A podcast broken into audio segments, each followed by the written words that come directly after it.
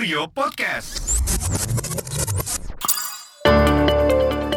New normal menurut saya pola kehidupan baru yang disesuaikan dengan kondisi akibat pandemi COVID-19.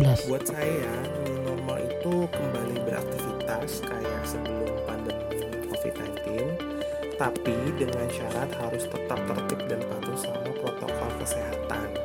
New normal ini dipahami secara berbeda oleh negara-negara dunia. Uh, sebagai contoh di negara Britania Raya, new normal itu dipahami sebagai titik tengah antara ekonomi dan kesehatan. Menurut saya pantas aja sih, kalau nggak dicoba nggak akan tahu hasilnya. Belum secara nasional. Sebenarnya lebih berat yang tidak layak ya, karena pertama kurva uh, COVID-19 di Indonesia di hampir seluruh Indonesia masih belum melandai. Balik lagi ke aktivitas dulu, tapi nggak 100% sih. Jadi akan lebih hati-hati. Tidak terlalu menuntut untuk harus keluar ya. Dan ketika keluar saya paham tentang uh, protokol-protokol yang dianjurkan oleh pemerintah dan WHO, jaga jarak, pakai masker dan uh, cuci tangan. Lebih diperhatikan lagi untuk transportasi massal sih. Uh, saran saya sih definisi dari normal ini harus dipahami dulu. Kalau ekonomi sudah gawat tapi kesehatan juga gawat, nah ini kan bukan equilibrium gitu ya. Tidak asal menerapkan kenormalan baru di daerah-daerah yang ternyata masih parah penyebaran virus corona. Tatanan kehidupan baru atau yang sering kita dengar dengan new normal di tengah pandemi COVID-19 jadi topik yang cukup ramai diperbincangkan. Di mana PSBB dilonggarkan dan publik kembali beraktivitas dengan sejumlah protokol kesehatan. Harapannya, produktivitas dan ekonomi masyarakat yang sempat terpuruk dapat kembali menggeliat. Penerapan new normal tahap 1 akan dilaksanakan di empat provinsi serta 25 kota dan kabupaten, termasuk DKI Jakarta, Jawa Barat, Sumatera Barat, dan Gorontalo. Dikabarkan TNI dan Polri akan terlibat untuk mendisiplinkan protokol kesehatan di titik-titik ramai untuk mengurangi resiko penularan. Namun, mengacu pada standar new normal versi WHO, Indonesia masih jauh dari layak untuk mengimplementasikannya. Maka, hal ini tak lepas dari pro kontra. Lalu, akankah Indonesia berhasil menerapkan tatanan kehidupan barunya? Halo, balik lagi di podcast Rangkum bareng dengan tim editorial Kurio, masih dengan gue Ipang. Gue Ogi. Ada gue Agung. Dan gue Kiki. Iya. Yeah. Mohon maaf lahir batin ya guys. Ya, oh iya, batin bener. semuanya. Minal aidin wal faizin, ya ampun. Takobawalahu minawa minkum. Ngapain aja nih lebaran kemarin? Ngapain ya, Pang? Tidur. Tapi kita masuk yang pergi sih maksudnya. Ke Oh iya, gue juga. Saudara satu Aman, Eh, Gi. Tapi masih di Bekasi kan, Gi? masih. Ya sama ke rumah mertua sih, dua lokasi aja. Sama-sama di Iya. Bekasi. Iya, kalau itu mah aman. Gue Tapi kemarin sih juga, juga. dari rumah tante gue. Ngeri sih, pengen ya udahlah berarti harus 14 hari lagi kan apa karanti karantina. Oh, emang belum terbukti mereka aman? Ya soalnya yang keluarga yang lainnya ada yang ketemuan ke saudara lain gitu loh. Hmm. Hmm. Jadi penuh kecurigaan sih sebenarnya. Iya, lagi kenapa sih lo, Gi? Pergi-pergi. Kalau di Ada- tempat gua ada- ada kampungnya yang ditutup udah. aktif. Ditutup. Iya, dua hari. Bener-bener Eh. di, ditutup semua jalan. Pang, kemarin tuh Jogja nol kasus loh. Iya, dua udah dua hari sih. Udah dua hari ya? Hari ini juga ya? Hari ini juga nol kasus. Keren sih. Kesadaran masyarakatnya tinggi tuh. Bukan karena labnya libur ya. Makanya nol. Gua belum cari Oh. tahu juga sih. Nyir juga Itu- nih. Penuh lah. seuzonan ya. Iya kayak gitu rame tahu di mana? Ada yang bilang Surabaya. Ya bukan itunya sih, tapi dia labnya libur pas kemarin Lebaran gitu. Iya, banyak juga sih beritanya sebenarnya kayak gitu. Cuma kan dibantah katanya. Enggak. Iya. Ya, Tetep. curiganya gitu yang nol nol kasus tuh. Oh, iya iya bisa jadi ya. Tapi eh, ini udah banyak kan yang apa namanya? Yang provinsi-provinsi yang apa tingkat ininya nurun gitu loh kurvanya. Bener gak sih? Kalau yang turun sih Hmm. kayaknya ya Jakarta sih ya, karena kan lebih Jakarta, tinggi di awal. Kalau yang lain mah bukan Oh. turun sih, Pang, lebih kayak yang tadi gua hapus tuh, ada 110 kota yang nol kasus di Mm. hari. Iya. Maksud gue itu. Di Bekasi juga udah mulai ini kan Gi? Bekasi kan Jadi kan termasuk awal juga tuh. Jadi Iya. percontohan ya. Di Jawa Barat kan mulai 1 Juni kan new normal itu kan. Iya. heeh. Iya. Terus Iya. gimana nih ngomongin new normal? Gimana nih? Nah ini kan new normal nih gue kalau ngelihatnya sih ngikutinnya udah mulai dari yang Jokowi ke apa stasiun M- MRT itu loh. Ya, Kan dia sempet saya memang ke Mall Sumarekon juga kan. Mm-mm. Nah apa sih eh, apa Pak Presiden juga bilang waktu itu kan akan menerjunkan Polri dan TNI untuk mendisiplinkan warga nih dalam rangka new Hmm. normal ini. Gitu.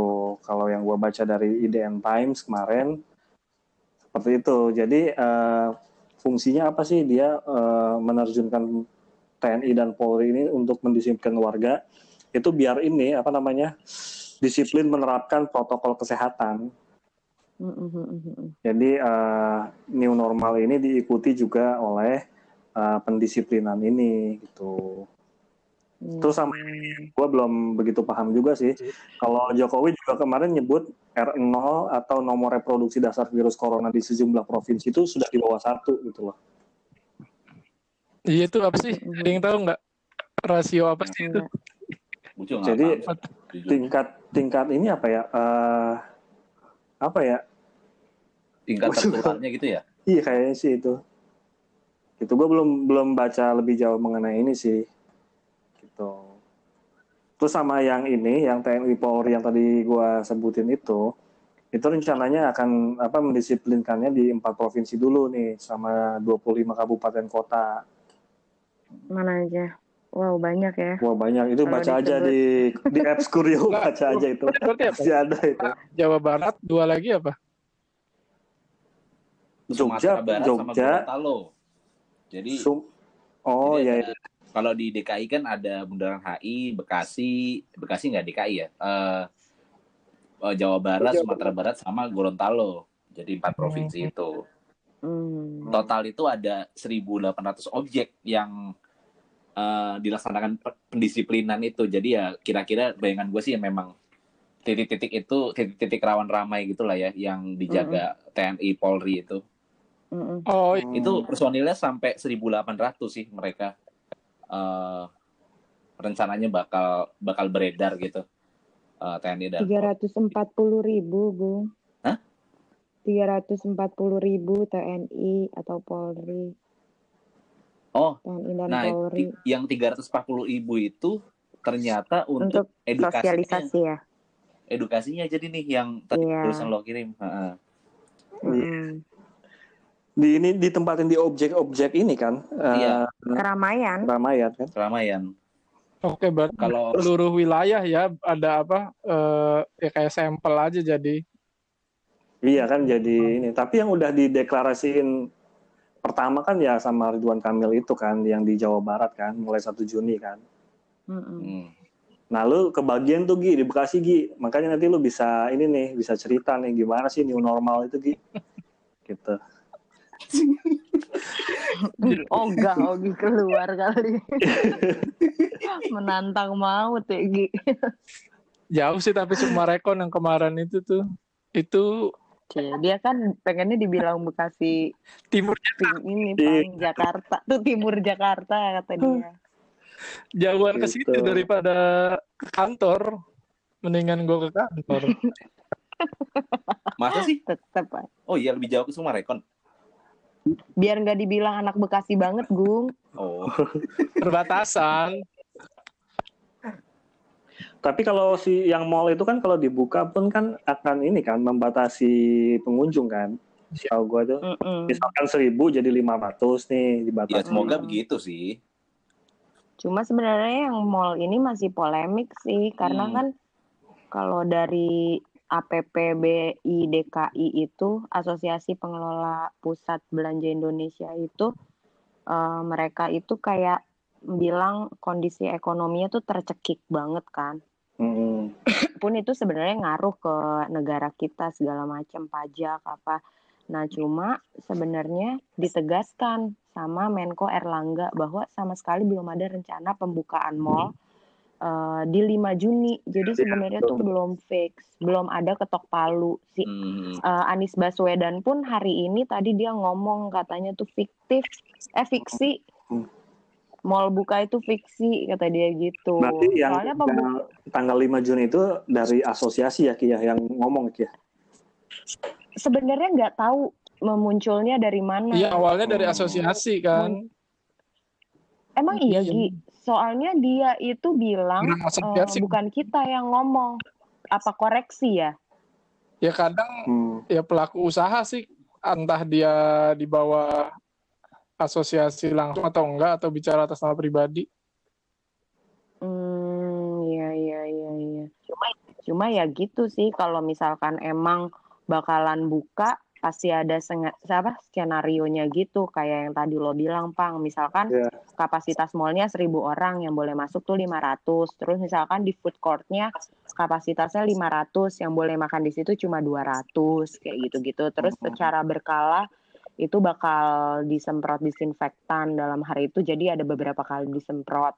Iya, Terus eh, bukanya itu katanya juga bakalan nggak full kalau dibuka ya. Eh, biasanya kan jam 10 sampai jam 10 kan mall itu. Mm-mm. Nanti tuh kalau jadi buka eh, katanya jam 11 sampai jam 8 malam aja. Hmm. Kayak gitu. Cuma ya masih nunggu eh, keputusan dari Pemda. Apakah Pemda. izinnya keluar apa enggak. Cuma emang dari si apa namanya tuh APPBI DKI itu emang dia sih eh, berharap banget mall itu bisa dibuka karena emang segala, dari segala macam segi ekonomi udah tercekik banget. Iyalah, udah berapa bulan kan nggak beroperasi kan? Mm-mm, kayak gitu. Cuma ada loh yang seru nih gue baca di Asumsi di Kurio itu Hmm. tuh ada dia tuh kayak wawancara si eh, karyawan mallnya gitu loh. Hmm. "Eh, lo gimana nih mau kerja lagi? Terus kata karyawan mallnya tuh gue tuh seneng tiga bulan nggak ada kegiatan terus tiba-tiba kerja lagi apalagi kan mostly banyak yang di, nggak digaji kan. Hmm. terus bakal kerja lagi dia senang bakal ada aktivitas lagi cuma sebenarnya dia tuh kekhawatirannya lebih besar karena dia bakal interaksi sama orang-orang dia nggak tahu rekan kerjanya bersih enggak makan di mana jaga diri juga enggak kayak dia belum lagi pengunjung sama kayak gitu juga kasusnya jadi banyak kayak wah resiko gua terpapar tuh kayaknya tinggi banget nih Betul. makanya dia kayak seneng nggak seneng gitu Hmm. Iya sih. kasihan juga sih serba salah sih gitu kan Iya, yang sama saudara aja jadi curiga, apalagi orang Heeh, Apalagi kayak orang lo kan. Heeh. Bener-bener banget lah. Jadi, Tapi kalau ngomongin soal kerja nih, kita juga kan udah ada ini nih ya, maksudnya eh, kira-kira eh, bakal masuk tanggal sekian, tanggal sekian udah ada omongan-omongan di belakang gitu kan, walaupun belum resmi kan. Cuman yang jadi pertanyaan kita semua kan yang apa yang kerja ini, nah nanti protokol kesehatannya seperti apa gitu kan. Terus, tapi kalau nggak salah kemarin udah ini kan ada panduan juga kan dari Menkes kan Gi, Iya, iya ada tuh. yang soal yang soal kerja ini kan. Ada sih Tapi- sebenarnya. Siapa Ogi mau jelasin lagi? Juk juk apa? Beberapa masih apa ya? Belum belum clear gitu loh. Kalau yang Hmm. Ini coba nih dari BBC Indonesia. Protokolnya udah keluar, diatur dalam keputusan Menkes tentang panduan pencegahan pengendalian COVID di tempat kerja perkantoran dan industri. Oh, ini yang juga terkait yang si Menko Erlangga itu juga kali ya? Soal yang yang tadi si Kiki bilang tuh. Belum, belum ada keputusan. Yang mana nih? yang mall. Iya buat panduan tempat kerja ini. Ini kan buat yang dunia Hmm. ya kan. Oh, Hmm. iya, iya, iya. Nih mana ya yang gue cek. So, gue sih itu harus physical distancing sama ada hubungan. apa sih kemarin tuh masuknya tuh harus eh, harus eh, dibagi gitu loh waktunya semacam itu kayak shift-shiftan gitu cuma Hmm. cuma sebenarnya kantor suami gue sih akan begitu sih dia udah ada jam masuknya apa tanggal masuknya tanggal berapa terus tanggal masuknya tuh tanggal 8 cuma dia kebagiannya tanggal 22 karena satu tim itu dibagi eh, jadi kayak nggak ketemu gitu loh karena kan satu Oh. tim pasti eh, eh, dia kan perusahaannya lumayan ya karyawannya banyak Hmm. eh, ribuan kan. Nah, eh, dia itu ngebaginya tuh parah. Jadi laki gue tuh dapat ngantor tuh sehari dalam dua minggu, dua minggu sehari, Dua minggu sekali Kali- gitu berarti ya. dua minggu sekali. Iya. nih nih nih. Di- di- di Dan dia nggak bisa bareng nih. gimana coba?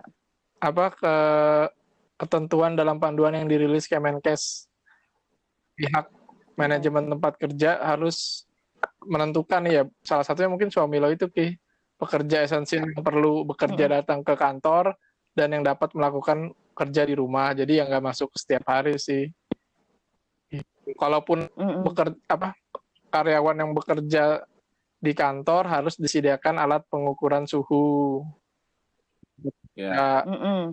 Terus untuk bekerja yang perkantoran yang shift, jika memungkinkan shift ketiga tuh ditiadakan. Kalau Hmm. Oh iya, nggak boleh terlalu lelah Kalaupun- kan? Nggak boleh lembur ya dia. kalaupun eh lembur nggak tahu sih ini. Yang yang ini kali sih ini buat Enggak, nggak boleh kayaknya, Pang.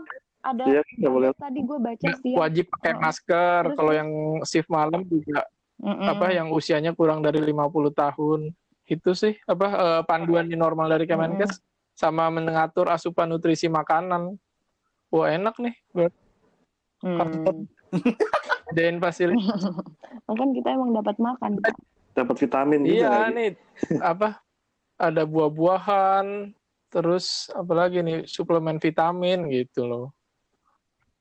Apalagi kalau buahnya beli di Okinawa ya. Yoi. Ogi buah. Ads, ads, ads. Wah, lu kudu bayar nih, Ge. Lu udah nge-ads nih. deh. iya asli ngiklan. Padahal kita loh yang Iya. promosiin. Terus terus, yang terus. tadi barusan taruh depan ya Nu.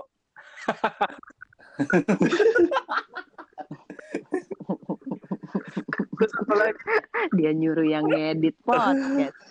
Iya berarti itu sama ketentuannya sama yang berlaku di kantor laki Ya kan, gue ya. kayak begitu. Nah cuma dia satu tim itu nggak dikasih ketemu cuy. Jadi Oke. satu tim itu dia kan berenam apa berlapan gitu lupa deh gue. Nah itu tuh satu hari ada tiga yang masuk di tim itu.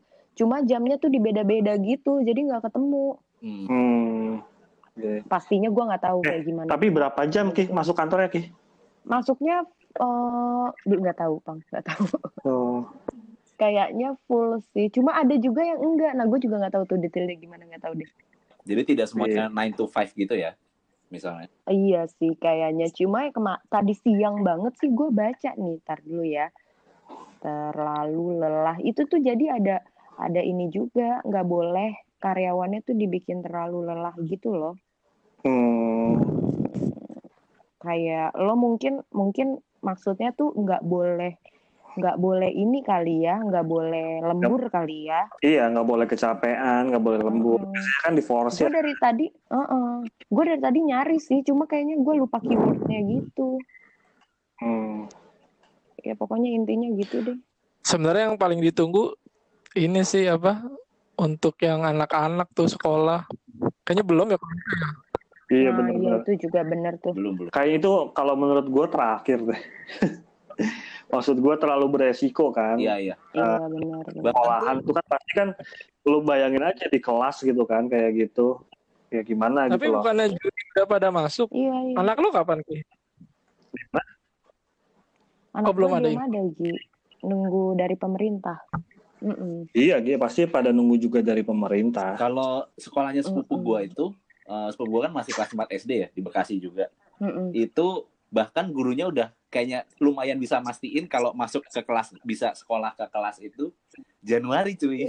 Tahun ajaran Ah baru. iya itu sama Itu yang disarankan ya. Anak-anak ada kalian. ada Iya di sana. eh, ada desas-desus sih Gi. Sebenarnya itu isu-isu Mhm. gitu loh. Ka- kayak guru-guru itu kayak pada ngomongin gitu. Mungkin banget tahun ajaran tuh jadi Januari gitu loh.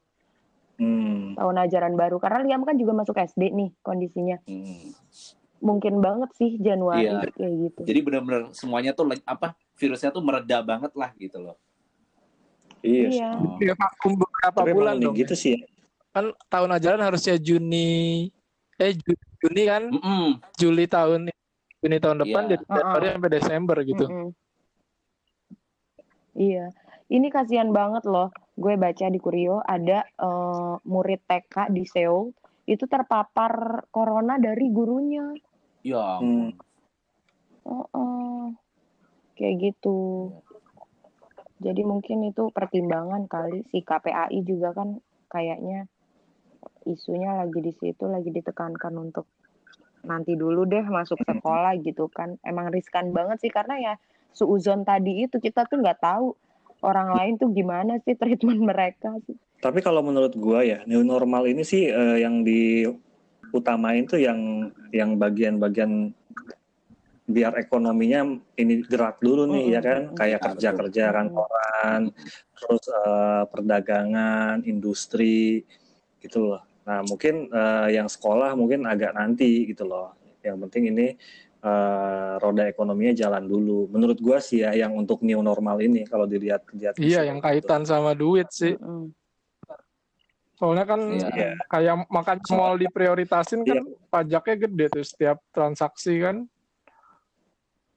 Iya. Iya dan dan juga kayak misalkan eh, ini ya kalau ngomongin eh, pariwisata juga gitu kan kayak hotel kayak gua di Jogja ini kan hotel kan pada tutup kan otomatis kan.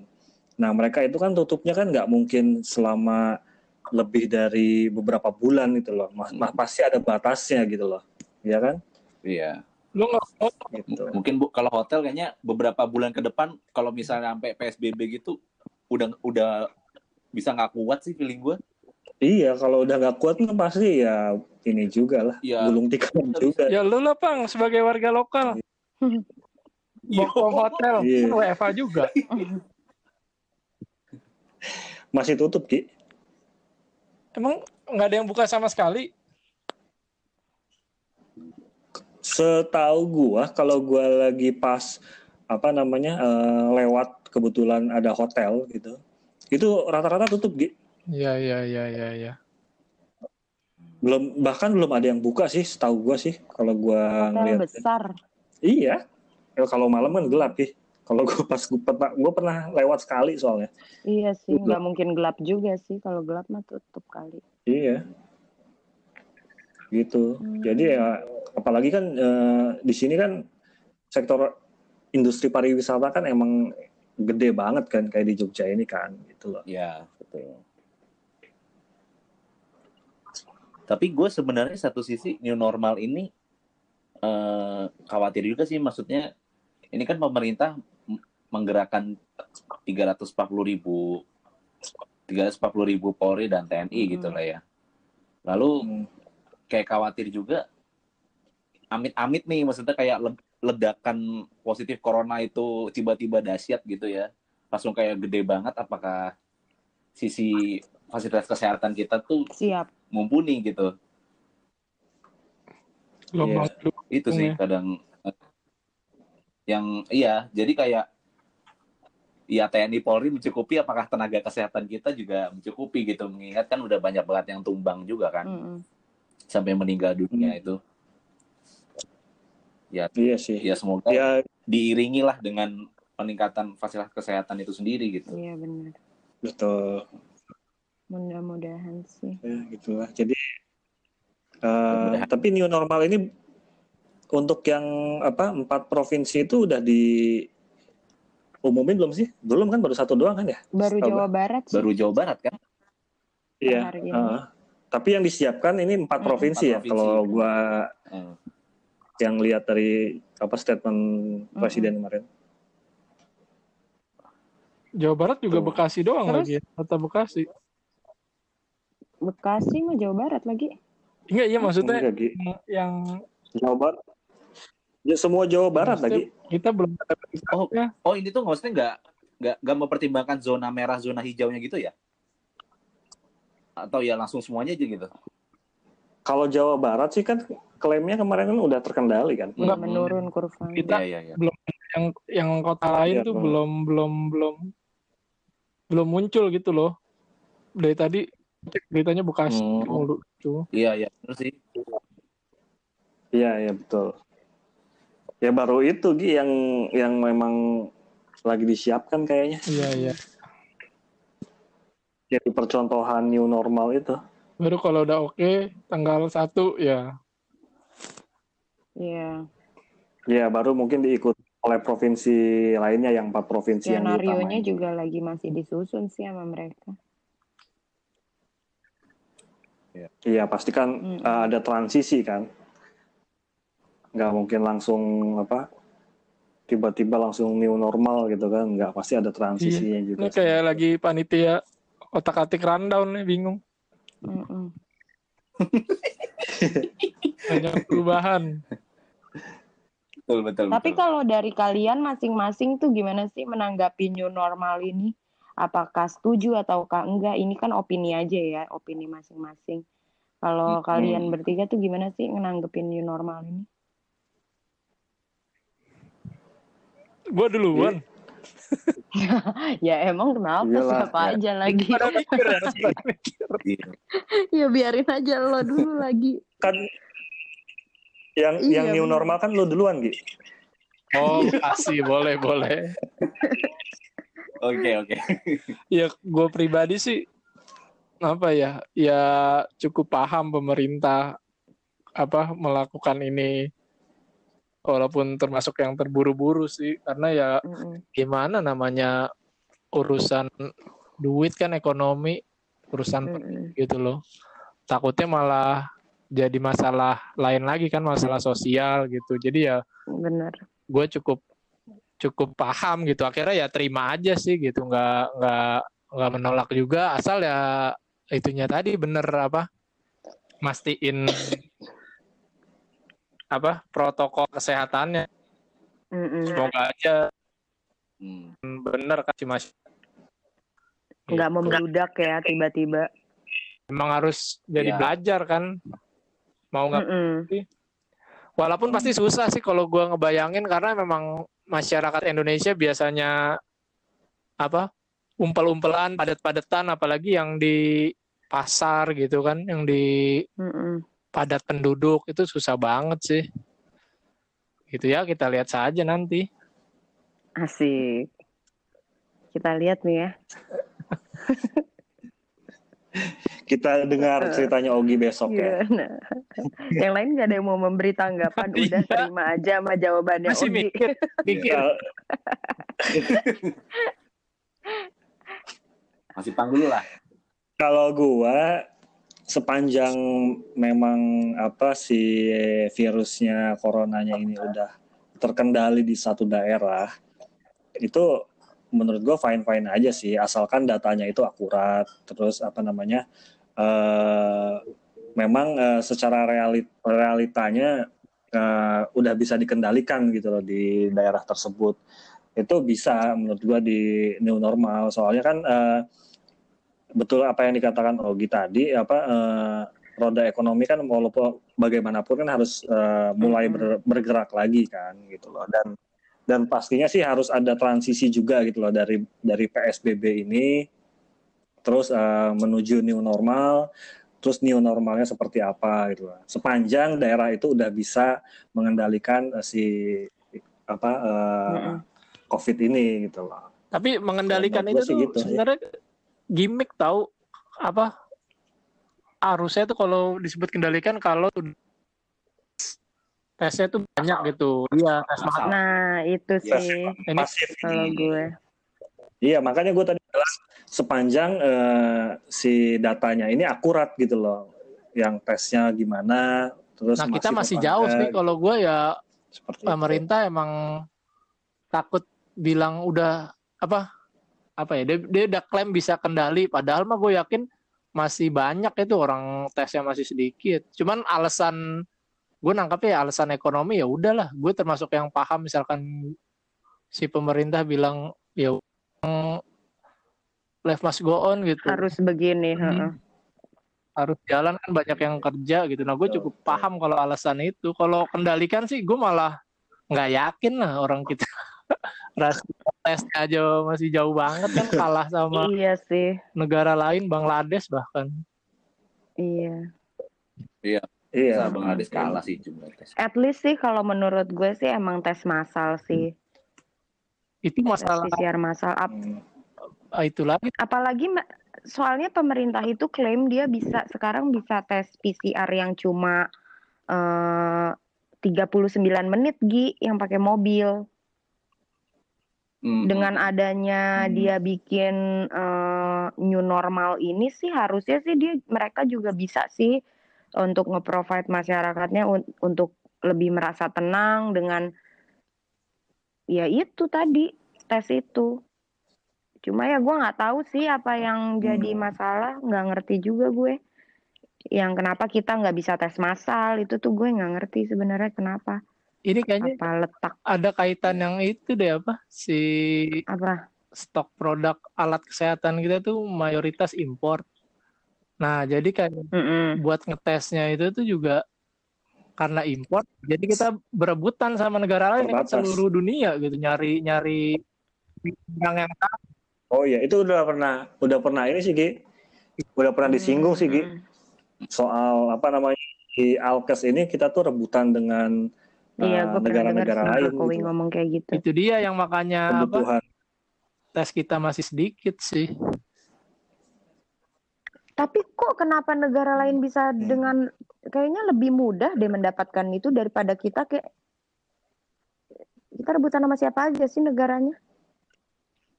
Heeh. Gak tahu. nah berarti mereka Maaf, nah itu negara kita nggak ngerti dalam apa produksi dalam gitu. negerinya bagus alat itu. swasembada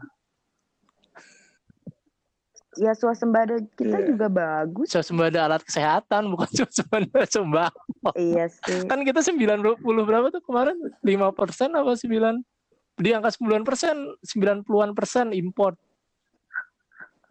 Aduh. itu sedih sih apa Iya, iya. ya Nggak bisa ya kita bikin ya ya. nggak bisa cepet emang bikin nastar Lah emang bikin nastar cepet.